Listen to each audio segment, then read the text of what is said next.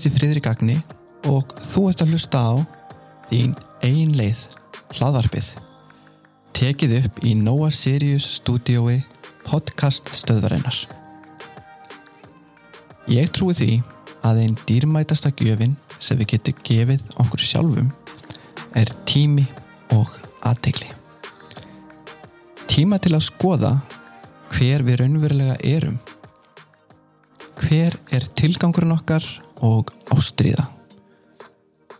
Og erum við að lifa samkvæmt því?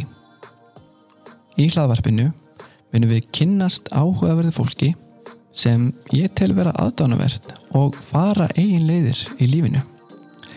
Þetta eru bæði þekktir einstaklingar í samfélaginu en líka fólk sem þú hefur kannski aldrei hýrt af. En allir hafa sína sögu að segja og ef að þú hlustar þá vona ég að þú fyllist innblæstri og kvartningu til að fara þína eigin leið.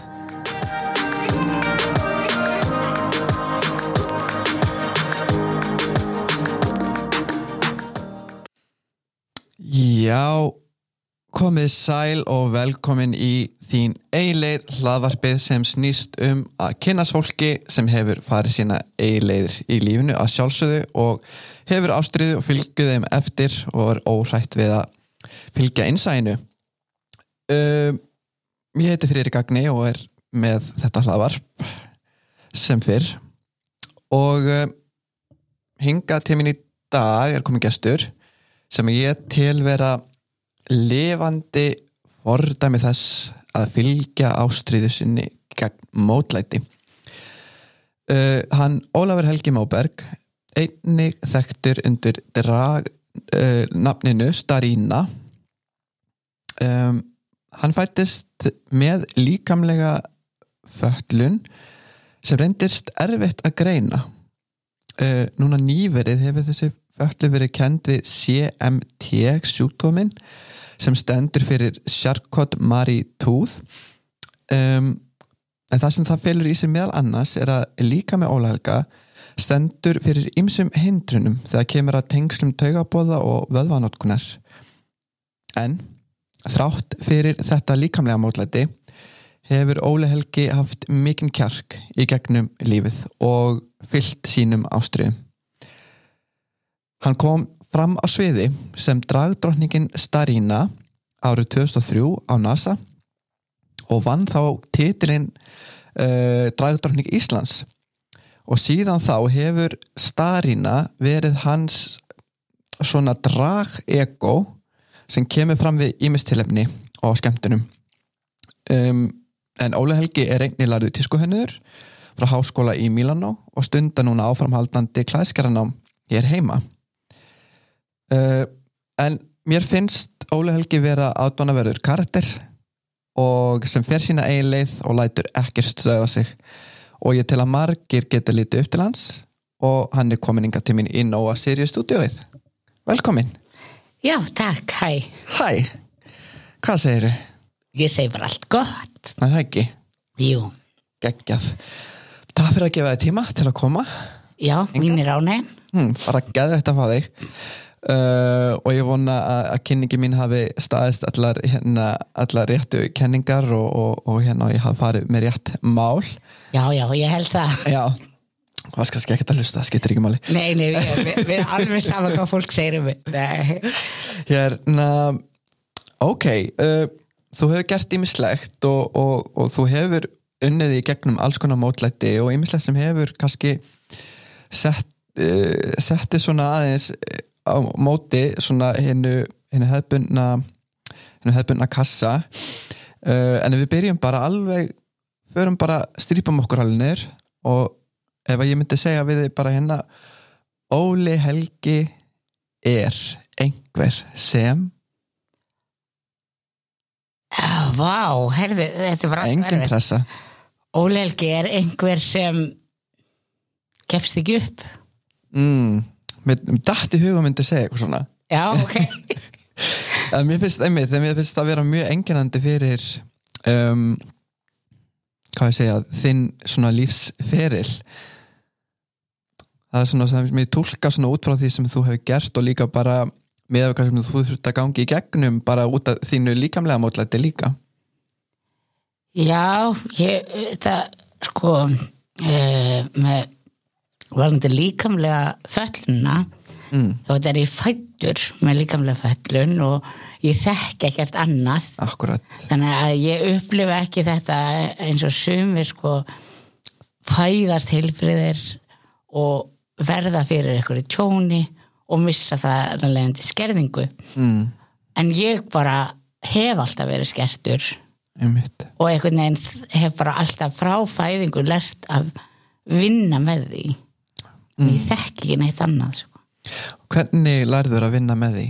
Þú veist, hvað hvað er það sem að þú gengur í gegnum bara í barnæsku sem verður til þess að þú lærir að, að, að þekka sjálfa þig og vinna með sko uh, ég ætla nú ég ætla nú bara að segja ekki, uh, fyrir sko fræði minn er tveir aðrir eru líka með sömföllun þannig að ég ætla ekki að segja að mín reynsla sé sam og þeirra Nei, nei, alls ekki. fram, sko. einmitt, og hérna eh, kannski þú veist ég veit ekki. Mamma talar um það þegar ég var að byrja að lappa nú mann ekki hvað ég var gammal fjagra eða fimm ára byrja að frekar seint að lappa Er það það, já, bara út af út af uh, föllurinni og, og hérna og það er svona gungugrind og, og það þetta bara gaf mér eitthvað vist frelsi og ég let það ekkert stoppa mig, mamma fór með mig hagkup í skeifunni og, og hérna og ég bara lappaði um alla búðuna og klesta fólk og,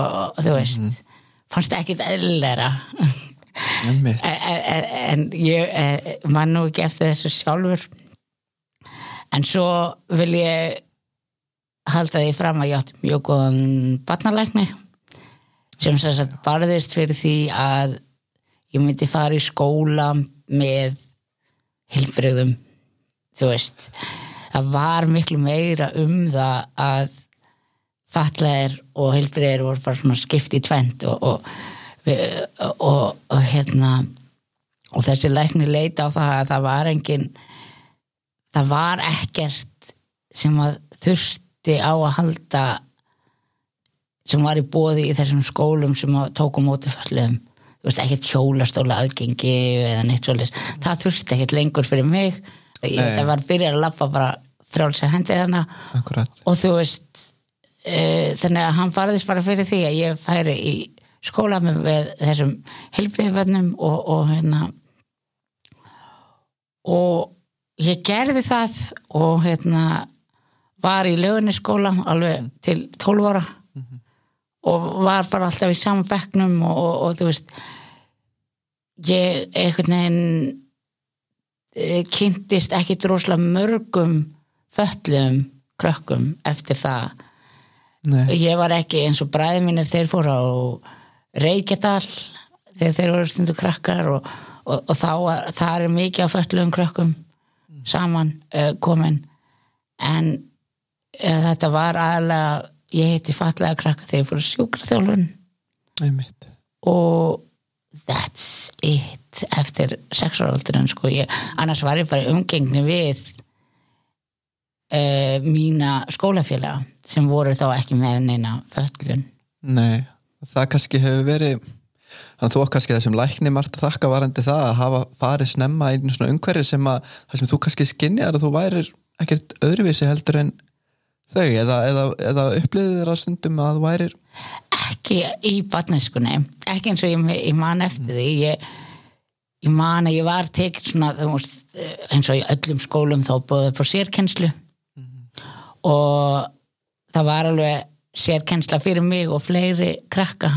Og ég var þar í hópnum og þú veist, ég gerði ekkert eitthvað sama sem verki að það var að því ég var í einmitt. þetta var bara, ó, þessi hluti af hópnum fær vissa hjálp og, og, og við öll fáum þessa vissa hjálp sko. Mhm. þannig að, nei ég, og ég vildi bara gera það sama og krakkanir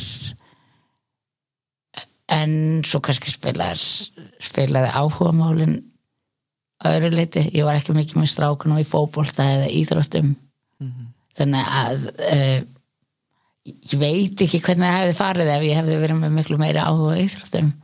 Hvort Já. ég hefði bara farið út á völlin og reyndi þetta sko. Já, varstu ekki með áhuga fyrir miklu sem að kannski ekki krafðist e, svona líkamlega þáttöku eða varstu þá meira með til dæmis stelpuhópnum í skólanum eða? Já, ég var oftast meira með stelpahófnum í skólanum. Ég losnaði við, eða losnaði við ég, ég var ekki sendur í, í hérna, leikvömi mm. að því ég var í sjúkraþjálfun en ég fekk eitt árið að fara í leikvömi og þá fekk ég einhverja viss aðstöð að því ég var í bólspelku sem krakki, þá fekk ég hvað, aðstöð fyrir ekki hvað sem, bólspelku hvað er það? það er sagt bara svona, þú veist hvað spelka er? Já, ég veit hvað þetta er bara spelka sem er hérna yfir ból, bólhlutan þú veist, frá hérna brjóstkassa Ah, ok, og ég niður. ég skil ég núna, ok. Og í- þetta var eh, ég fekk sem sagt bara aðstof við það frá húsverði eða einhverjum. Já, uh, ég man ekki ég fílaði mig ekki bara þar kannski var það að því að ég var ekki ná jafn miklum árangri og hinni krakkanir uh, ég var þetta þú veist, krakkanir í bekknum viss allir að ég væri með bólspelku en ég var mjög feimin við að þú veist, út á við að kannski einhver myndi stara og pæli hvað þetta væri. En þetta var bara hluta mér þessi bólspelka sko. Einmitt. en að ég leti ekkit mikið hindra mig ef ég fekk einhvern áhuga á því. Ég stundaði hestamenn sko til dæmis sem er auðvitað íþrótt út af fyrir sig. Algjörlega. Þannig að, hérna, það var eitthvað sem ég hafði gífilegan áhuga og gafst ekki upp þar sko. Það, það, það vildi ég ná árangur í. Mm. Þannig að þú varst með virkilegan áhuga einhverju þá bara laður þau fram við það og bara syndir því af, af, af áhuga ástriðu og bara já, sama gildi með listgreinarnar. Ég var með, ég var með mikið áhuga á listum. Mm og, og þær greinar einhvern veginn lagði ég mig allir í þótt að var erfitt að teikna eða móti eitthvað á leir eða eitthvað. Þá bara gerði ég þetta samt og mér varst það gaman og, og sama gildi með smíði og handmæntir og þú veist ég smíði skapandi. Já, þar var ég allur bara áfram ég sko en svo þetta greinist ég með ljósblindu í framhaldsskóla sem kannski útskýrir okkur bóklegu föginu voru erfið í grunnskóla. Já, og bara eins og fyrir öllum sem, sem greina sem lesblindu já, Einmitt. En það hljóma svona eins og þú hafir hafir í rauninni alltaf haft eða frá þessi barsaldri góðan stuðning í kringum þig þar sem þú varst? Já, ég var með rosalega góðan stuðning þar sem ég var. Ég var, ég var rosalega bara heppin einhvern veginn. Að ég líti á það sem heppin þú veist, ég, mamma sendi mig til dæmis yfirþjálfun mm. sem að ég held að hafa verið rosalega gott fyrir mig að því ég fæ svo áhuga á tísku og klæðskera. Og ég held án yfirþjálfunar var ég ekki með eins góða futta að gera þessar finnhreyfingar sko. Þú veist, dæmis, það kemur allt öðruvís út hjá þeim hreyfingar heldur en hjá mér. Einmitt, og svo var ég með rosalega góðan grunnskólakennara já, sem bara barðist fyrir öllum rétti mínum að fá það sem ég þurfti að fá. Og ég fengi bara að vera í þeim skóla sem ég vildi vera Já. með þeim krökkum sem ég vildi vera. Einmitt. Þannig að Þú ert þannig með góða svona leikil aðila í kringum þig svo læknirðin og kennari. Og fólk bara sem trúði á mig og, og svona stappaði í mig stálinu bara, nei nei þú getur þetta skilur bara, þú er ekkert það er ekkert að gefast upp Já, einmitt, en það, það hefur greinlega haft sitt að segja kannski bara fyrir þig senna mér í lífinu að, að, að, að þú ert í þessu umhverfi sem uh, ungur, ungur strákur að, að hafa þetta umhverfi sko sem kannski fylgir þér áfram. Alveg pottið sko. Ég bara uh, ég einhvern veginn lít oft tilbaka á þessa æsku minningar einhvern veginn að þetta bara gaf mér miklu meira meiri styrk heldur en eitthvað eða þú veist. Þannig að, að þú myndir segja að það væri ég er bara að hugsa svona almennt hérna að að þetta skiptir gríðarlega miklu máli þetta umhverfi sem einstakleikar alast upp í bara hvort sem, líkamlega föllin að ræða ekki um, að, að, að fá kvartningu, þú veist ég hugsa núna bara um kannski fólk sem er einmitt ekki með líkamlega föllin að þau að það fólk og þessi krakka þurfa náttúrulega líka að hérna að fá þetta, þú getur þetta ekki gefast upp, þú getur þetta alveg. Kannski, gleymist það pínu kannski þú veist ég er bara svona veltaði fyrir mig núna þú segir þetta sko. Ég, þú veist, þetta er þetta líka bara eins og með allt í lífinu, það krefst æfingar. Og, og Æfingar. þú verður ekkit meistari á einum degi Nei, nei. neinu. Uh, þannig að, að, að hérna, það þarf að hvetja krakka í því sem þau hafa áhuga á áfram. Já, og það þarf líka að bara, þú veist einhvern veginn ekki refsa. Mhm. þú veist frekar að bara umbuna það sem er gert vel já. heldur en að vera alltaf að refsa fyrir það sem er gert illa. Finnst þér, er, ertu með eitthvað dæmi um það? Ertu að hugsa um eitthvað ákveði varandi svona system sem þið, sem þið finnst um, ekki virka? Þú talar um þessa svona refsi, þetta refsikerfi eh, ekki, ekki eins og er en nema þetta með hundin minn sko, mm, ja, það, það virkaði ekkit að skamma hana sko. mm, hún bara hvað hva er þetta að segja við mig Mm. en umbunarkerfið virkaði alltaf vel. Já, þannig að, að ég held einhvern veginn að, að, svona auðvitað, mér hefur líka verið refsað af, af, af fólki yfir æfina en, en ég held að maður teki það líka bara svolítið inn í sig og það getur skafað þunglindi og, mm, og, og, og lítið sjálfsálit. Mm, og ég tel það ekki vera gott ef maður vissi sjálfsálitið. Það getur alveg smitast yfir í hlutina sem þú ert að gera vel. Mm, akkurat, einmitt, það hefur áhrif og, og þú fer kannski að efast um og sért nógu góður til þess að gera sem þú ert að gera já, það er svolítið mikil kapp í dag finnst mér að vera mm, hæðstur á toppnum í því sem þú ert að gera. Í staðan fyrir bara að líta á sjálfum sig og ég er góðið því sem ég geri miða við mig ekki fara að miða því við einhvern annan. Samaburður já, þetta var einhvern veginn þetta er eins og ég tók upp að hækla í sumar. Mm, og veist, svo var ég eitthvað að senda vinkunum skilafóð, þetta kemur svo illa út hjá mér með við þitt og hún bara, áli ég er búin að hekla í 30 ár sko. Þannig að please, ekki miða okkur saman við þetta sko. þannig að, Mm. En út af því að við vorum að tala þessum að þú varst að tala um á, uh, áhuga þín svo bara það að þú, þú veist bara syndi því vel sem að hafður áhuga á þú byrjar að finna hana áhuga ungur á, á þessu skapandi hérna, eh, svona skapandi hlutum og skapandi ferli og þannig. Hvað myndir segja að væri svona því ég, veist, uh, þetta hlaðvarp er svolítið mikið um, um um þetta að, að, að ebla í það, það, styrkin sinn og fylgja því eftir. Hvernig uppgöta þú svona uh, þína helstu ástriðu uh, í gegnum leiklist. Mm, ég, þú veist ég hafði alltaf gaman að leika söng sem krakki og, og í lögunni skóla var alltaf farið eftir fyrsta tíma fram á gang og sungið saman. Mm, og vinum mínum fannst þetta voðalega hallarslegt þannig að mér fannst það líka. En Já, bara svona út af því að þeim var það bara, innst já, inni ok. var það rosalega gaman. Mm. að fara fram og syngja hástöfum og leika sér og, og svo voru leikrit alltaf einhvern annarkvæmt föstu dag eða eitthvað og þá var hver og eitt bekkur að sína alltaf eitt bekkur að sína eitthvað leikrit og mér fannst alltaf þetta svo opvarslega gaman. En af einhverju leiti fæ ég ekki þessi stóru tækifæri sem að ég hefði uh, hefði viljað ef ég það þannig. En það er ekki fyrir henni í, í nýjunda bekk sem ég fæ bara hlutverk sem bara er bara fýtt fór mig einhvern veginn. Hverju var það? ég leik ömmu.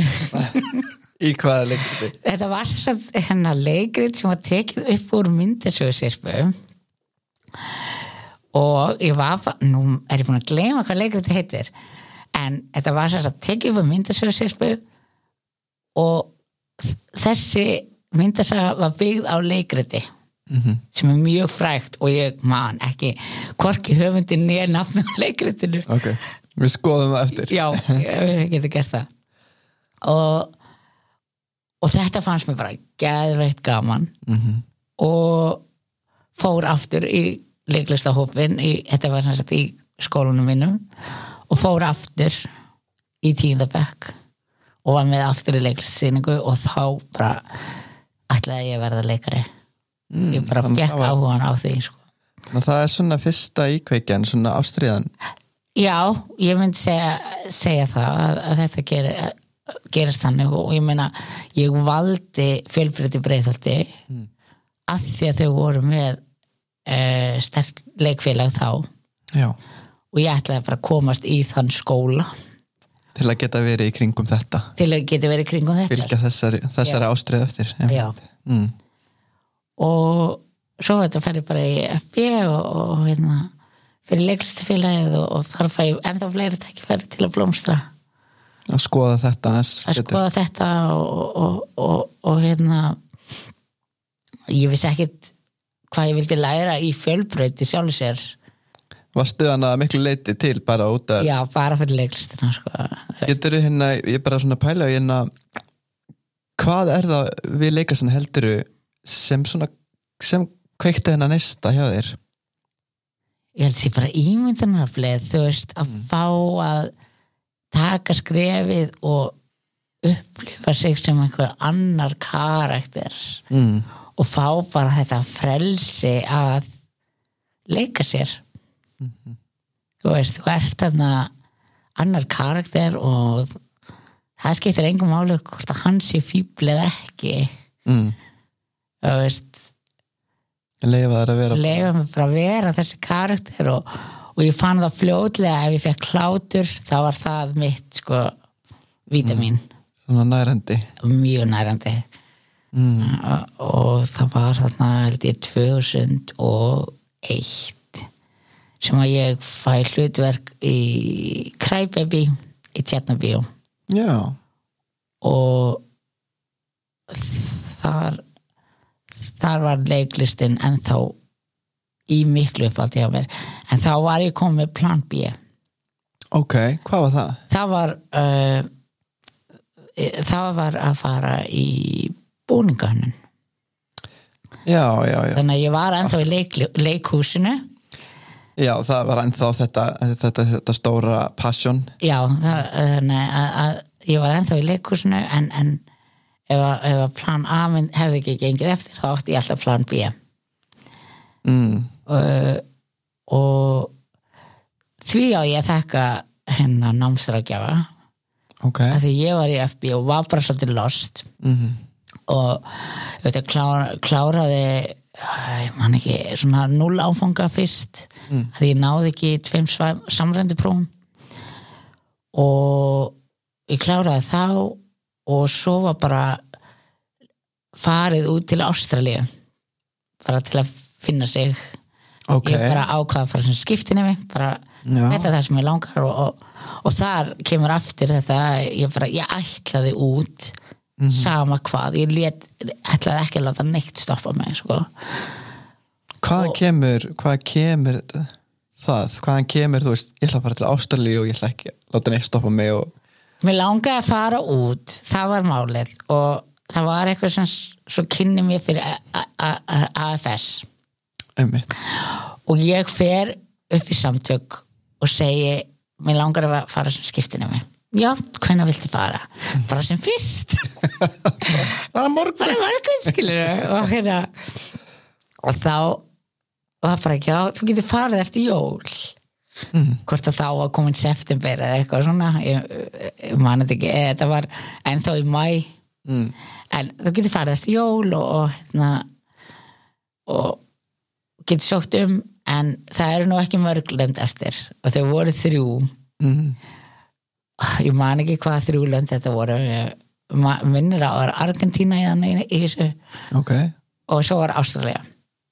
Og hvað létti hjartað ég veit það ekki, það var bara eitthvað hm, Ástralía, það, var svo ógeðslega langt í burtu það var svo ógæslega langt í fórstu en ég einhvern veginn hugsaði held ég að það var svona ekki oflánt, þú veist, í menningu Já, í, í menningum, Já. já. það er náttúrulega mjög land, land, land það mjög langt, já, en í menningu Mm. hugsaði ég þetta væri ekki það langt í Já, veist, og, Mm. og ég, var, ég var líka hrættu við tungumálin já, þannig að ég hefði held ég ekki vilja hoppa út í eitthvað svona spænskumælandi land og ekki kunna neitt.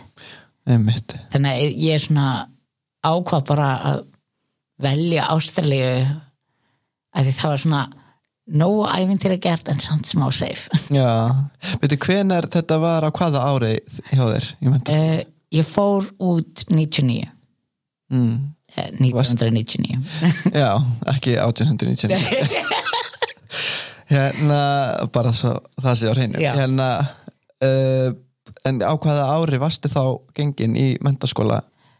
uh, ég var sem sagt 17 ég 17 var ámæli í ára. desember. Þannig að ég var orðin 17 þegar ég fer út. Verð 18 úti í Ástralíu og kem heim svona cirka 11 mánum síðar. Já, já, einmitt. Þar kom upp einmitt mótleiti með föllunina Var það öðruvísi uh, var það öðruvísi upplifun að vera í Ástralíu með þetta mótlæti eða með þessa, með þessa líka með föllun versus að vera á Íslandi? ekki, ekki í Ástralíu heldur bara áðan ég fór út var Ástralíu að krefjast eitthvað meira um föllunina Á, já, bara yfirvöld einhverju pappir sem þú veist, sem að gefa manni vísa og eitthvað svona. Ég skilji, já, já, og sem var til þess að ég fekk ekki fara út með hófnum já. Ég var brjálaður. Ég var svo reyður þarna var verið að taka mig út. Út úr einhverju sem þú varst kannski va, þú veist, ég var uh, haldandi það að þetta myndi gerast sko, en þarna var verið að taka mig út að, og, og svona, það þarf að greina þig aðeins meira og ég var svo reyður að greið konunar hjá AFS komið heim til mín með rósir og gafir já, og, ok. okay. kom, og þegar þið komið með loksins flugmiðan mm, sem var með dagsetningu Já. þú ferð út þennan dag Já. hvort það var annar februar mm, þannig ég var að fara tveim vikum setna en hópurinn. Mm, en ég fór einn. Já. ég fór ekki með hópnum þannig að ég var að fljúa einn í fyrsta skipti. Mm, vá, aðleitt hinum einan hettin ó, vá. Og uh, já, en í ástralíu þá hérna ég man ekki eftir neinu svona eitthvað mótleiti með fellina ég lendi á uh, Bóndabæ já, þess að það sem þú bjóst. Já, og, og þannig að þetta var svolítið svona middle of nowhere og, og hérna við fór í skóla í litlum bæ og upplifði bara svona lítið kósi umhverfi sem að ég bara var að hyllaður af og, og þannig að ég óskaði mér eftir að fá að fara að búnda bæ mm, að því ég var líka komið sko eh, í hausinn að mér langaði að vera bóndi ok, það var margt svona margt svona backup. Já, já, já, ég held sko ég, samt bóndin var sko held ég því ég var 12 eða 13 ára, það kom undan leikaranum sko. ok, var það eitthvað fjölskyldutengt og verður eitthvað fjölskyldutengsl? Nei, mamma vildi endilega senda mig sveit sem krakki á sumrin mm, eins og var, var oft gert.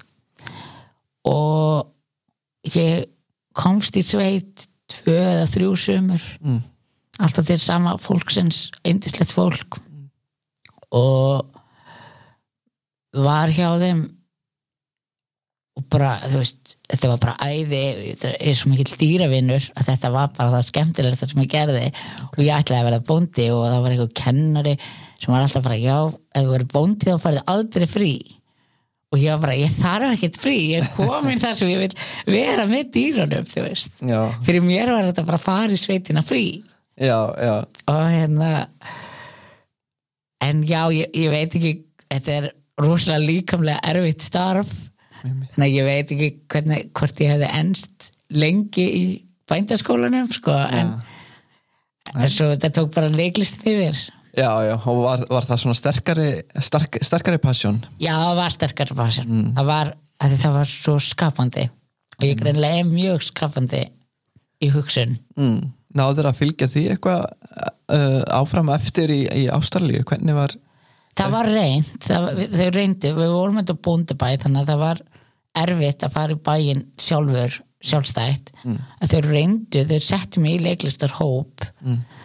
en það var bara oflóki fyrir þau að þurfa að sækja mig einu sinni viku í bæina þegar það var alveg klukkutíma keisla minnum mig í skólan og, og í þennan bæ sem að var með, með, eitthvað, með eitthvað líf mm, það var annar bær þarna eitthvað fimm minutum frá en hann, var bara með einhverjum nokkrum húsum og kjörbúð og held var með leikskóla og barnaskóla Mm. en ekki hæskól en hvernig hvaða uppgötanir gerir í Ástralíu? Er eitthvað, er eitthvað sem þú, þú segir og hafi farið að leita svolítið og, og þú veist það hafi kannski kvatti, einhver æfintir að þrá kannski er eitthvað sem kemur út úr þessu, þessari dvöl? Já uh, uh, það kemur einhver áhugi á búningu hennan þarna úti. Uh, en ég hins vegar svona finn sjálfa mig mm. sem samkynniðan í Ástralíu.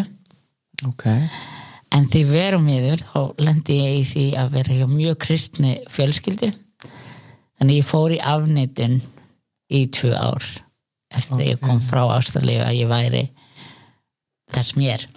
Já en þú, en þú hefur samt uppgötað þetta um sjálfa því úti, já, á meðan þú varst hana Já. en, en fekst þá líka pínu eh, þessa hræslutilfinning út af því að þið var svo umhverfið ekki bjóð upp á það að þú getur eitthvað að rætta eða sætti við það? Nei nákvæmlega. Það umhverfi bauð ekki upp á það að bara vera samkynniður þau trúðu því bara að þetta væri synd. Var það eitthvað sem var rætt þannig á þessu heimili eða? Eh, ég rætti það við mom svo ég kalla hana. Mom, já. Og hérna og við svona tókum við spjall um þetta en hún hérna talaði um að allir kallmenn gangi í gegnum það að halda þessi og þessar ræður sem að ég held að margir homar hafa heyrt. Já, já, og ég eitthvað, já en fór í kom heim og fór í rosalega afnættun um þetta. Að því ég, þau voru svo kristin að ég kynntist einhverju svona spiritual eh, andlegt, já. Mm. veist, og ég fílaði það ég fílaði þetta andlega sko And, Ertu að meina þetta en hann andla hluta af trúnni? Já, þú veist bara að, að trúa að máttur, ég veit ekki, ég vil ekki segja máttur þér æðri núna í dag en þú veist, þetta er svolítið að trúa að máttur, máttur lífsins leiði rétt að vegu Mm. Eitthvað Og- svona afl sem að veit betur og fylgir þér og Já. reynir að að leiðbina þér. Og, og, og gefum við tækifærin og, og hérna og ég held að það að þau voru trúið og ég tók upp það með þeim að styrkja trú og, og hérna hafi gefið mér svolítið ekki gefast þannig upp. Ég, ég man að ég átti er, ég fekk mikinn söknuð heim og þú veist, það var svona konflikt í milli mín og strák, stráksinn sem fjó hjá þeim eða sín þeirra. Sýnir þeirra, ok. Og, og þú veist og, en það var það, var það eitthvað bara held ég svona smá stráka öfundsíki þú Mm. veist. Já, hann kemur þér eitthvað nýr hérna sonur inn allt innu. Já, nýr sonur, inn og, og, og hérna er kannski líka svolítið feminin. Ég hef alltaf verið feminin sko, þannig að ég held að þeim grunaði alveg að ég væri á leiðinni út í skapnum sko. en fyrir þeim er það, það bara algjör synd þannig að þetta var eitthvað sem hún leiði þér ekki að ekki að vera ekki þarna úti ekki sko. úti og heldur Nei. þú segir tvö ár eftir að kemur heim, ertu ennþá að svona eitthvað ég er ennþá að finna ég, það, veist, ég var, varð fyrir svo mikill höfnun kakvart strákað núti að, þú veist, það var þannig strákur sem ég var hrifin af. Ok, og hann hafna mér.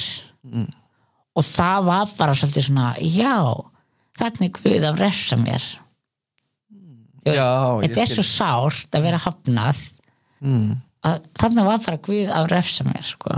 þannig að ég tók í fyrir bókstaflega í, fyrir að vera samkynnaður þetta er refsingin sem að þau tala um. Mm. og ég bara, já, ok og, og hérna, þetta er ekki fyrir mig ég ætla ekki að fá þessar tilfinningar aftur, þú veist Já. en ég meina ef ég hefði eitthvað reyndur og gláð af gagkinnið á markaðinum þá hefði stelpur alveg hafna mig líka sko. þannig að það var ekkert guð þar eitthvað að refsa mér sko. Mhm. en já, En hvernig hérna er svo þetta um, hvernig mótast þetta svo, ég meina svo menna, þú ert, ert uh, samkynniður uh, núna eða þú komin út af skánu, hvernig, hvernig fannstu þessa leið uh, út úr þessari svona þessari höfnunar tilfinningu og bara að komast í sátt? Ég mm, þetta var þetta rosalega mikið erfitt fyrir mig þú veist, ég, var, ég, ég er fatlaður og mér fannst ég ekki geta bætt samkynnið ón á þetta. Þú veist og ég held líka sko, svo, svo kemur eitthvað annað ofan á eins og dyslexia þú veist, og maður var einhvern veginn bara, hvað er bara allt að mér? Og, og ég bara en það einhvern veginn í minni þrjósku þá ætlaði ég bara nei, ekki gefast upp á því að ég væri ekki hommi og ég alveg pröfaði einhverja kirkir hérna sértrúasöfniði og svona. Fóst alveg, fóst alveg í það. Já, eh, það Ja, var mjög stutt það var mjög Ok, stutt. sko. þannig að ég, þú veist kynntist engum eitthvað mikið eða, en ég fór í einhverja nokkra söfnið og fór svona einu svona tvisar á messu sko. Já, um, uh, svo bara kemur leiklistin hann inn í aftur inn í líf mitt uh, ég kem heim hvað 2000 árið 2000 uh, er ég bara svona að feta, feta mín fótspor hvert, hvað ég á að læra hvað, hvað vill ég gera. Já, þangað til ég fer í leiklistaskólan þú veist, ætlaði það var ennþá markmiðið mitt ég ætlaði leiklistaskólan og, og hérna, ég þurfti bara fyrst að klára stúdent. Og það var spurning hva, hvernig ég myndi gera það. Mm. og var svona að spyrja aðra leikara hva, hvað leirið þú í þú veist, hvað leið fólks þú og eitthvað svona? Mm. ég er ekkert rosalega mikinn áhuga á því sem var kent í fjölbreyð þú veist, þetta var eitthvað starffræði og íslenska og og, og hérna og var ekkert eitthvað ég var ekkert mikið fyrir að lesa. Ef, ef, ég, vil, ég vildi frekar vera að gera eitthvað skapandi greinlega og, og, og var farin svolítið svona bara að fá þennan skólalega. Þannig að ég fer til námsrækjafa og hún læti mig í svona áhugasvits próf. Já, og þetta var mjög flókið prófa því það þurfti að senda það til bandaríkina þetta já, þetta var eitthvað svona star, starra í sniðum heldur en þau, þau gera hérna heima. Ok. Það var eitthvað svona samvinni við háskólan minni mig en það var sendt allan út og ég þurfti að borga ágætlega uppað fyrir þetta próf sko og á það ennþá heima. Vá, að þú hefur ver- verið virkilega í leit að bara hvaða leið á ég að fara. Já, ég, að, ég, ég bara hvað leiði að ég fara og, Hvað heitir þetta próf? veistu hvað ég bara manni það ekki. Já, en ég skal finna það og senda þér það Já, það er áhugavert en út í þessu prófi kemur sko minnir mig að ég ætti að verða creative producer Creative producer, Já. skapandi framleiðandi eitthvað svona eitthvað skona, já, bara, já, ég skil Já. já. og og hérna og hún já, ég vil senda þig í hérna eh, handíðafröð sem er bara eins á snám og ef þú fílar það ekki þá bara eftir búin með það í eitt ár og bara fyrir ykkur aðrali ef þú fílar það þá getur þú klára stúdentin af þessari já, þá bara bætur stúdentinum ofan á þetta. Og ég eitthvað, já, ok og hérna, var búin að vera svolítið að horfa á myndlistafræðina já, sem var, var rosalega sterk í FB á þessum tíma. Já. held það sé ennþá mjög já sterk líka. sko. Og hún einhvern veginn vildi ekki senda mig þangað. Ég veit man ekki ástæðina en hvort hún held að það var eitthvað of erfitt með hérna fínreifingar sem getur ekki verið saumaskapur krefst mjög mikla fínreifingar þannig að ég, ég, ég, en ég let verða af því, ég fór á handiðabraut ok, og kláraði hana Mm. og sem var til þess að ég kláraði stúdendin af tísku og textilbraut mm. uh, úr FB Mm. og á handiðabraut þá kemur þetta plan B búninganir já, já, þú varst að þannig náttúrulega þann hluta eða Já, þú veist já. svona, já, Þú veist, og, og á handiðabraut þá er ég að kynnast bara uh, alls konar svona listamennum sem er að búa til uh, list úr flíkum. Mm. ekkert bara framleyslu flíkur sko, þú veist, föt voru svo miklu meira þannig að maður var að læra þú veist hvað hot couture var og svo var maður uh, að fá áhuga á alls konar popstjörnum og þá var þær kannski einhverjum hönnuði og þá fær maður að fletta upp þeim og Mm. þetta gerðist á þessum árum sem ég var í FB mm. og fæ ég mitt áhuga á uh, Kylie Minogue já, uh, og, og og hérna kemst að því að hún er í sem sagt mjög virtum hönnuðum frá Milano Dolce Gabbana. Dolce Gabbana, já. Já. hún var mjög mikið í þeim. Og ég bara man ekki samt ég man ekki hvenær ég komst að því að þeir voru í Dolce Gabbana en, en hún var í Dolce Gabbana. En sko Vivian Westwood voru miklu uppáld hjá mér. Já, þegar ég var í FB breskur fattahannur já, og hún var til dæmis með Sex Pistol. Akkurat, var að gera þá og hún var mikið pöngari pöngari og var líka að gera einhverja búninga mm. fyrir leikrit og, og, og hvort það var kvikmyndir og svo Sjón Pól Koltier, hann var hann líka að rosa mikill búningahönnuður er þetta allt hönnuðið sem þú uppgöt var í gegnum að skoða í hverju Kylie Minogue er? Nei, Nei, nei, ok. nei, nei, nei, nei. Kylie Minogue, bara ef einhver er að hlusta og veit ekki hver er þetta Kylie Minogue er poppusönguna frá Ástralíu, einmitt. Já, hún er frá ástæðlega það er mjög fyndið hvað hérna, margt sem ég elska kemur frá ástæðlega Já, er það? já, Priscilla Queen of the Desert Moulin Rouge, Kylie Minogue Já, og þetta er bara tilvíðuna kent það er sko. já hver veit hver, já, kannski er þetta eitthvað. Kannski áttu bara eftir að enda þar aftur. Hver veit. Fara full circle. Það geti alveg verið sko. Já, en, en þannig að þú veist þannig að tísk, tískan og, og bara þessi áhuga og búningum og, og þetta er þannig að eftir líkur þannig að, að í FB já, og, og, og hvert fer það með þér svo? Uh, á þessum árum í FB, þú veist, kem ég í Já, þú hefur fundið. ég fann mig þar og, og hérna. Hvað er það sem að hjálpaði þér að, að svona bara stiga stað og bara koma sér sátt eftir enn tíma? Uh, ég sem sagt uh, fer þannig í leikriti Kræpevig mm. kynnist vinum mínum þar. Mm. uh, báðir flaming gay. Flaming og, og báðir í skápnum sko, þú veist Ok, og uh, eitt skiptið var hann að dansa við eitthvað gæja á eitthvað djammi og vinkurum minn spyr mig, þú veist, ertu öfundsjúkur Mm.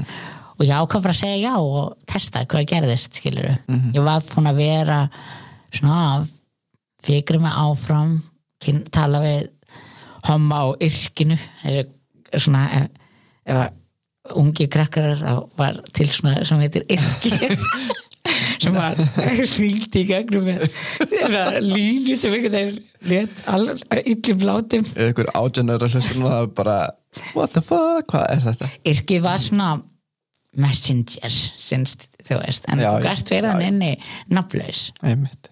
og, hérna, og, og, og þannig fórum maður að spjalla með ykkur að homma þar sko.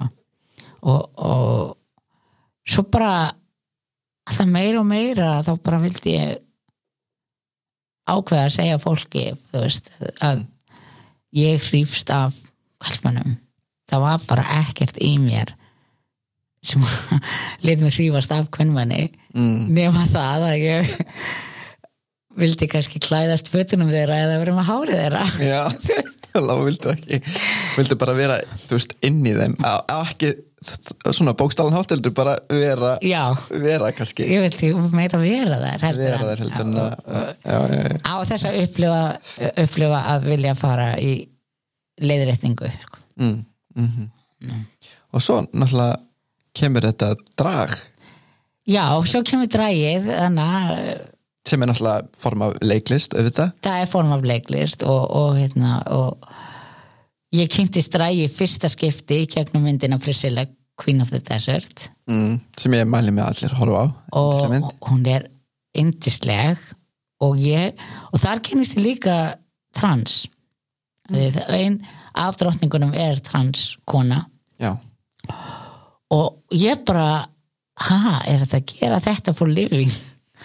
Vera kalluð glæðast kona og bara mæma við eitthvað lög og er þetta old school drag í þessar mynd skil, þú veist, en, en einhver síður grunnurinn er svo sami. Mm, og ég man eftir ég var sko 13 ára held ég þegar ég segi við bróðum minn að ég ætla að vera dratræðning þegar ég var stór. Ok. Þú veist, það var, var að hérna var bara leiklistin einhvern veginn að kalla á mig.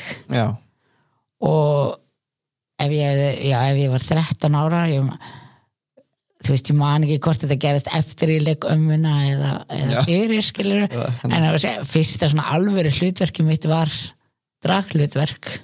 Ok, hverju var það? það var þessi amma í, í já, já, já, já, einmitt, já, þú veist, að leika ömmu já, já, einmitt, ekki afa heldur ömmu. Nei, ég var að leika ömmu þannig að já, og, og þú veist, hvort ég var í pilsi og með hárkollu og, ég var með skottúi og svona. Já, já, já. Þannig að þú veist, þetta ég, held að svona fyrsta alvöru hlutverkinu þetta er gangandi já, gegnum gangandi svona ástriða leiklist og þetta dragform er, er kannski svona grunnurinn að þessari ástriðu já, og svo kemur búningu hennin ofan á. Ofan á það. Þannig að þegar ég er sko ég byrja nú reyndar ekki formlega drægi fyrir en 2002 mm. og þá er ég búin með handiðabrautina já, en var sannsagt áfram í framhaldsáfengum og svona því ég ætla að klára stúdentinu verða leikari. Mm. þannig að ég eh, ákvað að ég ætlaði alltaf að sauma á mig sjálfur. Mm. sem er regla sem er búið að brjóta. En, já, en ég ákvaði að þessum tíma ég ætlaði bara að sauma á mig sjálfur öll þau föt sem að ég sem dratarning myndi gangi í. Þannig að þú varst svona þú varst strax að finna leið til að samtfinna bæði þessi áhugamál einhvern veginn. Já, ég náði þannig að samtvinna þau. Uh, þess að ég náði að halda í búninguna og, og, og þessa karaktersköpun og leiklist með því að vera mm. dratarning og ég held samt sko á þessum tíma var drag aldrei ég ætla að verða og lifa á þessu. Nei, bara, eitthvað- bara þetta bara áhugamál. mjög skemmtilegt áhugamál.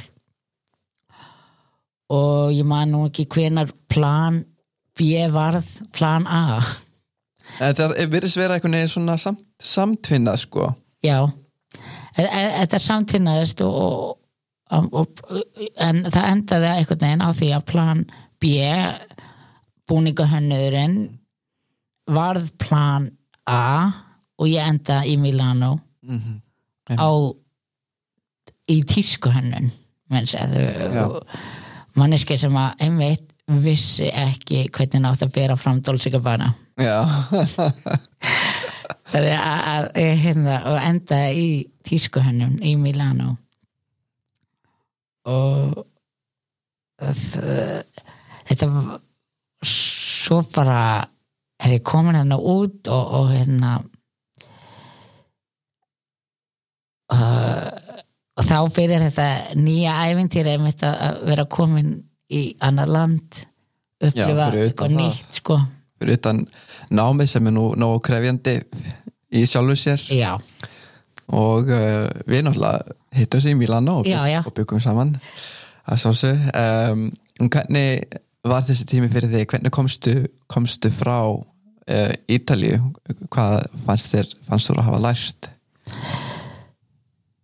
Uh, Ítalía og ég eigum svolítið svona love and hate relationship. Ég tengi uh, Milano er rosalega hér koma full borg Mhm. og ég þegar ég fór út í Milano var ég fullur af orku. Alveg bara metnaði. metnaði og ætlaði bara að sigra heiminn. Mhm. og hérna og kennarinn er sem sagt hafa einhvern lúmskan áhuga á mér sem ég fattaði ekki hvað ég hafði fram yfir aðra nefnendur fannst það það var svona alltaf að læðast að mér þú veist, þú ert ekki góður þarna þú ert ekki nógu þú veist, ég var, ég var með mestur reynslun af krökkunum í einhverju svona saumaskap. Já, og en samt var ég ekki að líti á mig nógu góðan. Af því þú veist, mér, mér fannst allt, allt sem krakkarnir gerði betra alltaf. En það var ekki fyrir en ég verð þannig fyrir mjög leiðilegu atviki í Milano að allar þessar hugsanir fara að koma í ljós. Þú veist, ég náði lífið mitt fram á þeim punkti náði ég alltaf að bara haldi bara áfram, haldi bara áfram, haldi bara áfram haldi bara áfram. Mm. Þannig að, að það gerist á fyrsta árunum mínu í náminu, Milano. Já, og ég byrja upp á nýtt bara, eða bara gert reset eiginlega á námið og ég byrja bara aftur á fyrsta ári. Ok. Og þá fór ég að efast um hvort ég var að réttir braut og fór, fór, fór að taka þess að efasemdar þú veist og, og ég þess að fór sko til yfir kennarins í tískunni já, og sagði við hennar, mér langaði að breyta um braut það væri sem sagt til braut sem hétt Theatre Design mm. leikusennin og var eiginlega var eiginlega bara sviðsennin að mínu mati mm. uh, að ég held að það var bara eitthvað einn áfangi í búningahönnun Mm. en þú veist, ég vildi læra búningahönnun ég var komin hann út í tískuna að, að því að það var einhvern veginn það sem að ég leit upp til voru að gera Kylie gekk í Kylie var að performa í fötum eftir Sean Paul Coltier, Dolce Gabbana Mm. og þú veist ég var einhvern veginn já ef þú vilt ná þangað þá þarf þetta að vera tísku hennur Já. En þú hefur hugsað svona stórt alveg bara nota þetta sem dæmi og, fundið að þetta væri leiðin þín til þess að komast á okkur þannig stað. Maður sáðulega Eurovision?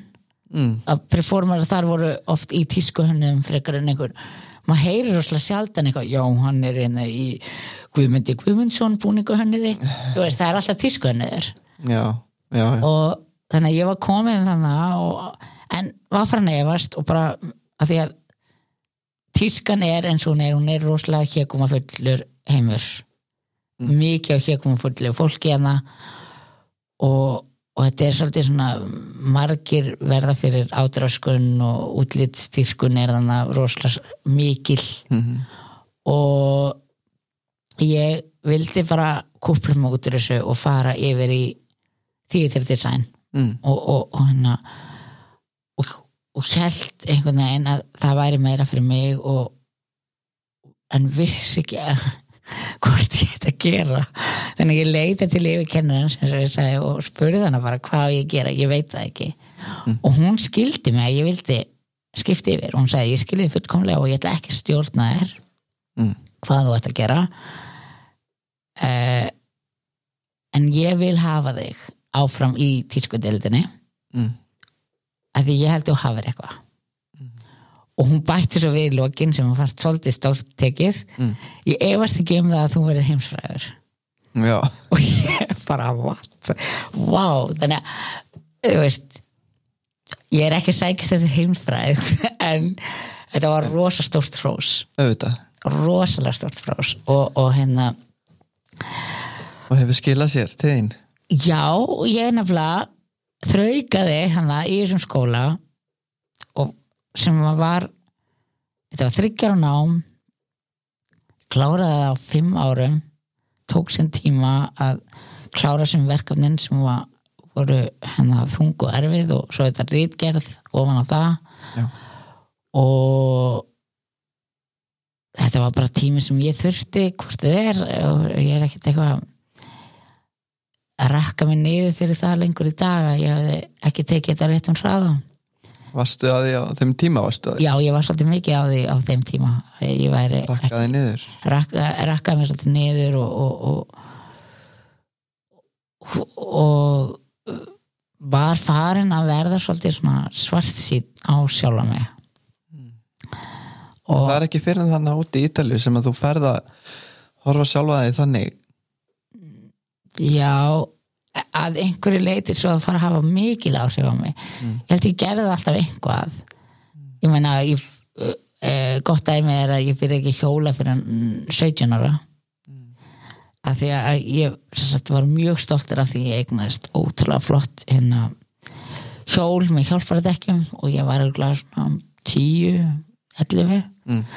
og var ekki fyrir að læra hjóla en eignaðist mjög flott hjól með hjálparadekkjum en það var eitthvað krakkar sem gerði grína mér. Og þá var bara hjólinu læst og ég fór ekki meir út. Mm. þannig að það er svo rosalega mikil áhrif. Og svo hérna fann maður fyrir því í efri árum að vinum hans var að fara að hjóla eitthvað og maður var svona, um, ég kann ekki hjóla við mikið og eitthvað. Og það var þá í Ástralíu sem að mér var eiginlega bara skildur að læra hjóla. Ef ég ætlaði að búa þannig hjá þeim mm. þá þurfti ég að læra hjóla því við þurftum að hjóla on the bus stop strætaskilið já, já. Ég veit en hvað hérna svo ertu þannig að þú heldur áfram með þetta hrós frá henni svona kannski kveikir eitthvað í þig bara já, kannski á ég bara að halda áfram eða og þú, þú gerir það væntalega Já, ég geri það og skólinn alltaf rosalega almillegur við mig bara hjálpaði mér alltaf ef ég var í vandræðum mm. eh, við tók alveg stundum flöta til sko í andliti og bara herði ólega, nú verður bara að herða þig sko Mm. Eh, og hérna sem var og, og, fram, mér fannst alltaf lægi og en þau voru alltaf einhvern veginn að hvetja mig áfram og voru aldrei að koma tíminn að segja já, já, nú er þetta búið nú skaltu ekki neyra að og fara heim. Já, leiði þér bara að gefast upp. Og það var einhver þrjóska í mér að ég vildi ekki gefast upp. Það, það verðist vera svona gegnum gangandi hugsun það virðist vera einmitt gegnumgangandi í mín lífi ég bara ætla ekki að gefast upp. Mm. og, og hérna þó ég hafi leift hann að hjólinu á sínum tíma að verða fyrir því að, að, þá er oft eitthvað að ég bara ekki að gefast upp og, og, og ég held að ég var hann að meira að berjast við Milano heldur en námi eh, námið, af því ég gæti alltaf pakkað og farið bara í nám hér mm. eða einhvern annan skóla öðru landi veist, nær heima Danmörk, Svíþjóð veist, ég var fann að skoða þessa möguleika. Já, en það var bara eitthvað nei, ég er komin hinga og ég ætla að klára þetta þú veist, og ég, og ég held að ég var svolítið að svona ekki leifa Milano borginni að sigra mig. Mm. uh, ekki leifa aðstæðum að segra þig kannski Já, þú veist. En það hefði aldrei verið neitt að því að pakka niður og breytum nám. Aldrei. Ég, ég, þú veist allir mig að breytum skoðun og skiptum og fara aðra leiðir. Algjörlega. Þannig ég, þetta var eitthvað var sem að eitthvað sem að ég þurfti að takast á við á sigra mm. ég, þú veist ég held að ég bara vildi ekki leifa þessu atviki mín í Milano yfirtaka mitt líf mm. Mm og mér fannst að vera svolítið ef ég myndi pakka niður og fara þá væri ég að leifa gerandunum að vinna -hmm. Ég skilji Var ykkur, og svo náttúrulega klárar þetta nám og fannst þér þú upplefa eitthvað skonar sátt við það, eitthvað skonar frelsun við það bara að koma sér gegnum þetta og, og sigra? Bara þessi virði skilur ég man það bara ekki. Ég hérna, verða að viðkynna það. Ég, hérna, ég man að mér fannst lokaverfningum mitt var rosalega skemmtilegt. Mm -hmm. það var svolítið svona, já, ég geti það. Og, þetta er það og, já, og, og, og það að hafa klárað þetta lokaverkefni leiti til þess að fólk leitaði til mín og var eitthvað, "Ó, getur þú saumað á mig og, getur gert á mig og, og hannað á mig og eitthvað svona. Og ég vissi bara að ég vildi læra þá meiri saumaskap. Mm, ég var að gefa út flíkur frá mér sem að fólk var mjög ánætt með. Mm. en ekki ég. Já, ok. Ég, því ég vissi að þetta mætti gera eitthvað betur. Mm, og fyrir búninga var þetta bara allt í lagi. Þú veist ég hefði en sem flík í dagstælinn notkun Mm. e eða spari notkun þá vildi ég einhvern veginn læra að ganga frá betur og skila þessu að mér sem bara fullkláraður flík sem að bara þú sérð ekki neitt að. Mm. svona kannski fullkomna árta í mér en eða bara mikill áhuga á að, gera, að gera vel. gera vel það sem þú hefur ástriðu fyrir. Mm. þannig að þú ferða þannig að ég fer þarna í teknaskólan og, og, og, og skefti því að læra klæðskeran eða, eða kjólasöm mm og kemst að því að þetta nám er lögvenda fag þú mátt ekki taka þér sérsöm nema þú sért sveit í kjólasöm eða Þessu. klæðskorði mm. þannig að þar kemur þar, þannig að þar kemur inn að ég vildi fara að læra saumaskap og þetta byrjaði enda bara þannig að ég vildi bara fá að pröfa og kannski ég ætla bara að taka eitt, tvo áfanga finna út í þessu skilur og, og maður fannst að það að því að en námskeið var ekki nógu góður kostur fyrir mig. Mm. að því námskeiðin voru svolítið að kenna það sem ég kunni fyrir. Mm. ég skilji Þú veist, en ég vildi fá meiri kunnáttu.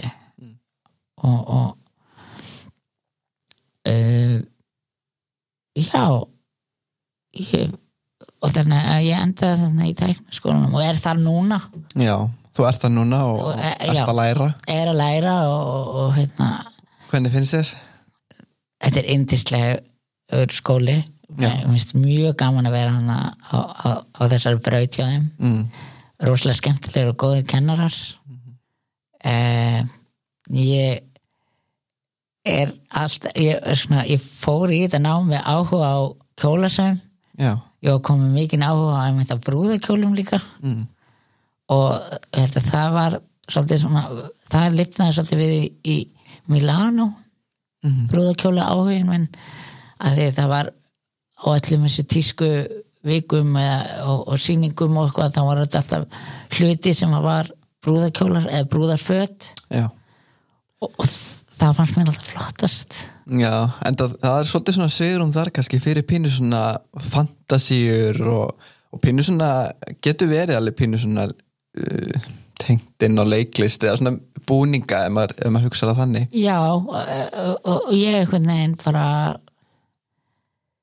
fann mestu tenginguna ef, ef maður flokkar tísku í alls konar flokka þá held ég að brúðarfatnarinn mm. var mest ég Mm. síðan kemur búningahönnun Mm.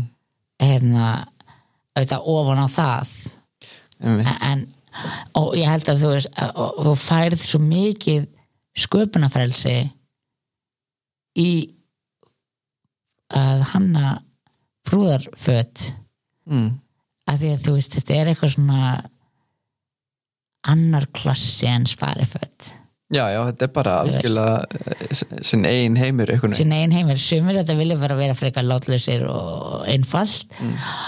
en samt vilja þau að þetta sé uník við vonum að þetta veri svona uník dagur fyrir Já. festa eða þú veist. En núna ertu náttúrulega að halda áfram eða þú ert ennþá að læra og, og hérna en núna þú veist ef við förum svona yfir, menn þú ert búin að fara ímislegt og læra ímislegt og, og ert áfram að læra og heldur vonandi áfram að læra eða þú veist, ég myndir svona telja við höldum áfram að læra allt okkar líf, hvort sem það sé í raunverulegum skólaumhverfi eða ekki. En hvað stendur upp úr svona, ef þú horfir svona yfir bara varandi þroska og lærdóm fyrir þig persónulega eða svona, já, já, fyrir þig persónulega. Fyrir mig held ég að mest stendur upp úr úr öllu þessu sem ég hef gengið gegnum er að ég á ekki að meta mig við manneskinu liðin á mér. Já það, ég þarf svolítið bara svona að horfa á mig Mm. og horfa á hvað ég vil gera og hvernig ég get gert það vel. Og bara ekki, ekki vera þú veist hann hérna hliðin á mér að, hann gerir þetta miklu betur. Þú veist það er svo skemmandi. Þetta eru röglega ennlega góð skilabóð í þessu um, þessum samanburði sko að læra, ég held að mjög margir geta tengt við uh, við þessa tilfinningu sko að vera stöðugt í samanburði og í samkeppni þetta ítur undir eitthvað svona eitthvað keppnis um, og, og við kannski höfum ennþá meiri vettvang fyrir samanburði núna í dag heldur en fyrir einhverjum árum síðan bara með tilkomu samfélagsmiðla og svona. Þú veist það er alltaf verið að íta fram í nefið okkur sko einhverju sem einhver er að gera og þá fyrir maður strax að skoða sitt eigi líf og, og svona. En það sem við sjáum ekki er það að það, það lenda allir í einhverju. Já, en það eru örgulega allir að bera sér saman við alla, og Alla, allir að reyna að gera það ekki. Allir að reyna að gera það ekki bara, þú veist en það, ég, það er alveg hægt að gera það ekki. Bara ég, veist, og maður verður bara að æfa sig og, og vera bara svolítið stoltur af sínum afrekum. Já, leifa sér að vera stoltu með mitt af öllu siguránum það má alveg vera stoltur og, og vera ánægð með sig þú veist, þú ert ekkit hér koma fullir eða, eða, þú veist, eitthvað snopphæna eða neitt eða þú ert ánægð með þig. Þetta er voða svona þetta er rosalega eh, svona innprintað einhvern veginn held ég inn í samfélagi okkar og held kannski bara á Norðurlöndum. Einhvern veginn að, að maður megi ekki vera bara stoltur af einhverjum svona maður á erfum að fagna litlu sigurunum fyrir sjálfan sig. Maður á að geta það. Það er bara einhvern veginn mjög mikil skilda og ég meina ég veit ekki hvað margir fagna sigrunum að giftast að hafa fundið elskun sinn. Mm.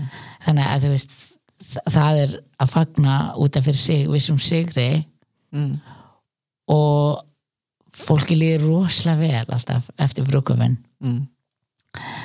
og það er bara einhvern veginn er svona í einhvern bara "Ah, ég, ég vissi ekki að það væri svona ég vissi ekki að það væri svona gott og gaman og, en, en uh, þú veist ef þú getur bara tekið þetta sem dæmi að Mm. fagna því sem að þú vilt fagna og, og og gera vel við þig Mm. það er ekkert að því svo, uh, svo lengi sem þú ert ekki vondi við náungan sko. Mm, já.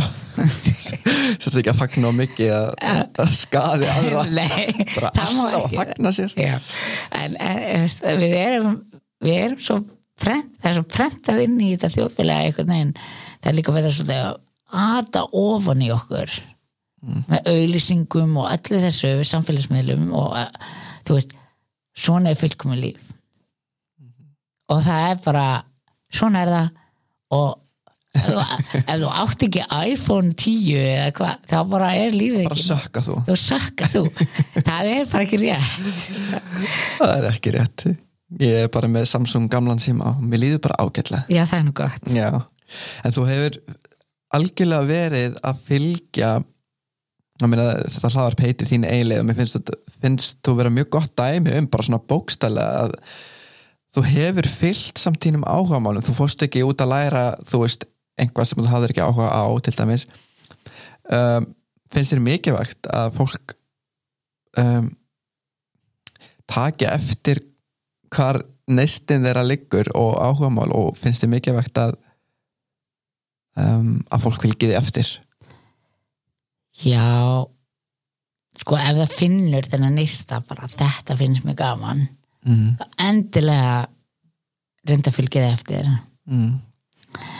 af hverju heldur það sé mikilvægt mm, ég held bara að ég vil, ég vil ekki að hafa eftir sjá mm. þú veist Mm. um, ég til dæmis með Milan og ég í dag stundum fæ svona eftir sjá okkur pakkaði ekki bara niður og fór heim og vann í mínu og fór svo bara aftur í nám. Þú veist hvernig væri í dag? En það þýr ekki að vera að hugsa þannig sama hvað gerist sko. Uh, ég var þannig að fylgja neista í Milano sem að bara kom svona út og það var rosalega gaman að- segja frá því að maður kláraði til skoðunin í Milano. Uh, uh, ég bara ef að fólk finnur hennar neista þá endilega er hennar fylgjunum Mhm. að því að hérna þetta er þitt líf Mhm. og þú veist sama hversu vittlaus sem við halda á sért þá endilega fylgdu því eftir þú veist það er alls konar hindranir sem kom upp í lífinu veist peningamál og, og aðstæður sem að bjóða ekki upp á kannski það að uh, að, að fylgja því eftir eins og ég fór í skóla. Það var bara svolítið svona, að já, ég vil gera þetta ég fyrir bara í skóla. Sumir hafa ekki tækifæri á þessu. Þannig að ekki gefast upp samt að ég kemst ekki skóla, ég á ekki fyrir því. Eða að ég kemst ekki skóla ég, að, þú veist, er hérna gift með tvö börn eða eitthvað þú veist, heldur fyndi útlaust hvernig þú getur fyllt eftir þinni á þín, þínum áhuga þessum neista. Að því að ef við viljum sigri í lífinu þá er það með að ekki gefast upp. Mhm. Sem þú hefur svo sannlega ekki gert, eins og ég sagði að það er eitthvað nefn ekki gefast þér, ekki gefast þér um, en, en og ég hugsa sko bara með það sem við tölum um í byrjun bara varandi sko þ- þitt mótlæti, eða bara það sem er náttúrulega mótlæti sem við tölum að sem bara þegar við opnum viðtalið bara um líkamlega mótlætið. Um, f- finnst þér í þeim skilningi finnst þér mikilvægt að, að standa sem einhvers konar fyrirmynd fyrir fólkið þú sem er líka glíma við einhvers konar svo, svona hindranir af svipuðu tægi ég hef ekki litið á mig sem fyrirmynd og, og ég set ekki þess að pressu á mig. Þú verður að vera fyrirmynd út af það því að það getur bara farið illa með mig sko. mm þú veist ég- ég geri bara mitt besta. Ég reyna að segja þetta við sjálfum mig hvernig ég á bara að gera mitt besta í dag Mhm. og takast á við daginn í dag og verkefni dagsins. Og þá ósjálfur átt held ég ég verði eitthvað góð fyrirmynd. Já, þetta er mjög, mjög góða punktur. Þú veist, ef ég fer eitthvað nei, ég má ekki taka þessa ákvörðuna því það er slæm fyrirmynd. Já, veist, já, ég bara ég þarf þetta bara að fylgja mínum sagt, minni ástriðu mm. veist, þetta er það sem mér langar að gera og mér langar að pröfa þetta. Og ég held að þá sko náttúrulega eins og segir sko ef, ef þú ert að hugsa um því á hverjum degi eitt dag í einu og ert að reyna að fylgja þinni ástrið þessum áhugamál og gera hlutina vel að þá held ég automatis fyrir mörgu fólki þá verður maður einhvers konar fyrirmynd. Um, að þóttum að sé ekki sjálfur að pæli að maður séð það. En ég er samt að hugsa sko hvað þetta sé ekki mikilvægt um, eða finnst þér finnst þér mikilvægt að, að hafa fyrirmyndir í samfélaginu já, ég held við öll lítum til ykkur upp til ykkur, já Erst þú með eitthvað, svona eitthvað fíguru í þínu lífi sem að, sem að hefur verið þér fyrirmynd? mm. Já, vá Stórt er stórt á lítið um svör Já, það, þú þarf, kannski er engin kannski, er alltaf ég er bara ég, ég, ég er ekki með neitt einn sem einhverja fyrirmynd í mínu lífi. Ég er svona pick and choose hjá hverjum og einum. Kannski ferða eftir eins og Kæli minn úr gott dæmi. Hún hérna var ég var mjög mikil áhuga á henni og hún greinist með krabba megin Mm. tekst á við það og byrjar aftur að performa uh, hvort það var ári eftir að hún greindist. Mm. og skammast síðan ekkit fyrir það að hún þurfti núna að láta leiða sér niður stigan og vera með dansara til að, þú veist hjálpa sér með erfileikana fann bara lausn, vildi bara gera það sem vildi gera. Já, bara finna lausn og, og, og þetta er það sem ég þurfti að gera alla tíman með drægið Mhm. og veist, mig langar að gera svona atriði, hvernig get ég gert það með mína hömlun mm. og með mína vini Mm. þú veist, hvernig fin- finnum lausn á þessu og, og, og, og, þá þá koma sigranir Mm. en þú ert með alveg bara gífulega mikla þrautsegu ég myndi segja það sem er mjög inspirerandi þannig að hérna og ég, og ég vona að þið sem er að hlusta heyri það líka að, að hérna að það er mikið þrautsega í honum Óla og, og virkilega hérna virkilega gaman að gaman að heyra þið segja frá um, öllum þessum sigurum og öllu, öllu þínu ferli og þinni leið. Um, en út af því ég enda öll hlaðvörpun að ég að svona einhver, einhvers konar svona saman og, og hérna og tek þá svona þrjár spurningar og hérna og þú mátt svara annarkvæmst í einu orði eða einni setningu. Einu orð eða einni Já, setningu þú veist, Ok. þetta er ekki, ég er ekki svo fastur þetta er ekki eitthvað, eitthvað próf eða eitthvað þannig það var svona létt og lögut svör. Já, já, bara svona þú veist eitthvað svona reyna sumur, eitthvað svona gott. Já, og, og spurningarna er alltaf mismunandi bara eftir við hvernig ég er að tala. Uh, en spurninga eitt, hvað, hvað er að mikilvægast, hvað myndur þú telja vera mikilvægast sem að þú getur sagt einhverju sem er að glíma við mótlæti í lífinu ekki gefast upp. Við dættu í að þetta svo bara ekki gefast upp, ekki gefast upp. Um, er einhvað um þessar myndir sem stöðvar þig í lífinu? Og ef það er einhvað, hvað er það?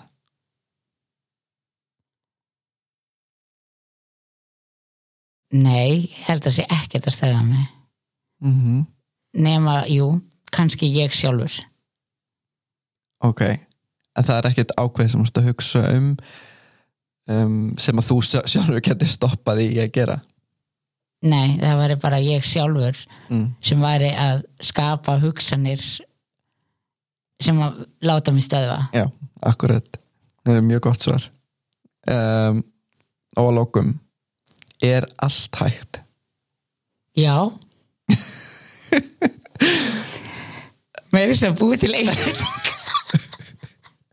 búa til eininni já, það er alltaf það er allt hægt, finna lausnir. Finna lausn og ekki gefast upp.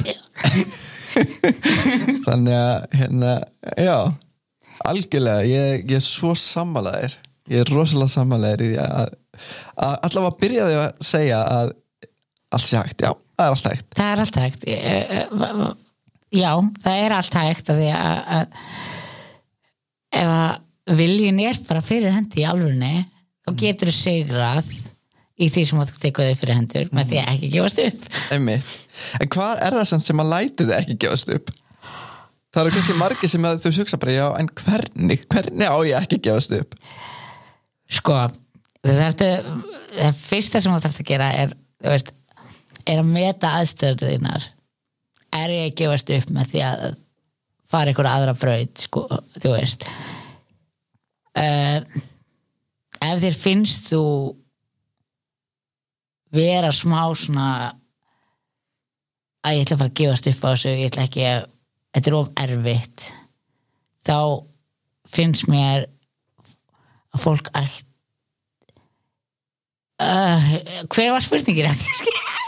ég, ég var að pæla bara, þú veist, ekki gefast upp. nei, hvað er það sem fær mig til að gefast ekki upp. gefast ekki upp? Það er ég veit ekki hvað það er. Það er bara eitthvað sem segir við mig ekki gjóst upp að því að þetta er sigurinn minn í mínu lífi. Mm og ef við sigurum í okkar lífi þá erum við að njóta lífsins í dag og lifa lífinu mm. að því að við eigum bara þetta líf. Og við getum árið hamingisum núna í dag. Við þurfum ekki að býða eftir því í næsta lífi. Mm. Ég held að það sé, þú veist, ég ætla að verða hamingisamur í þessu lífi núna. Þess vegna ætla ég ekki að gefast upp. Þess vegna ætla ég ekki að gefast upp. Ég náðu að koma sér orð. Yes. þetta var þetta voru fallið loka orð við skulum láta þetta vera loka orðin í þinni eigileið með Óla Helga. Um, þið getur fundið Óla Helga á Instagram já, til dæmis. Uh, það er starina starina gram, Starínagram, það er draðdorningin mætt á sveið já og hérna bara takk æðislega fyrir að svara svona innlægt og ég vona þegar að öll fylst innblæstur, ég veit að ég fekk mikinn innblæstur á að heyra þið tala. Uh, og takk fyrir að gefa þið tíma til að koma, tíma mín. Bara mín er ánægðin, þetta var æðislega gaman.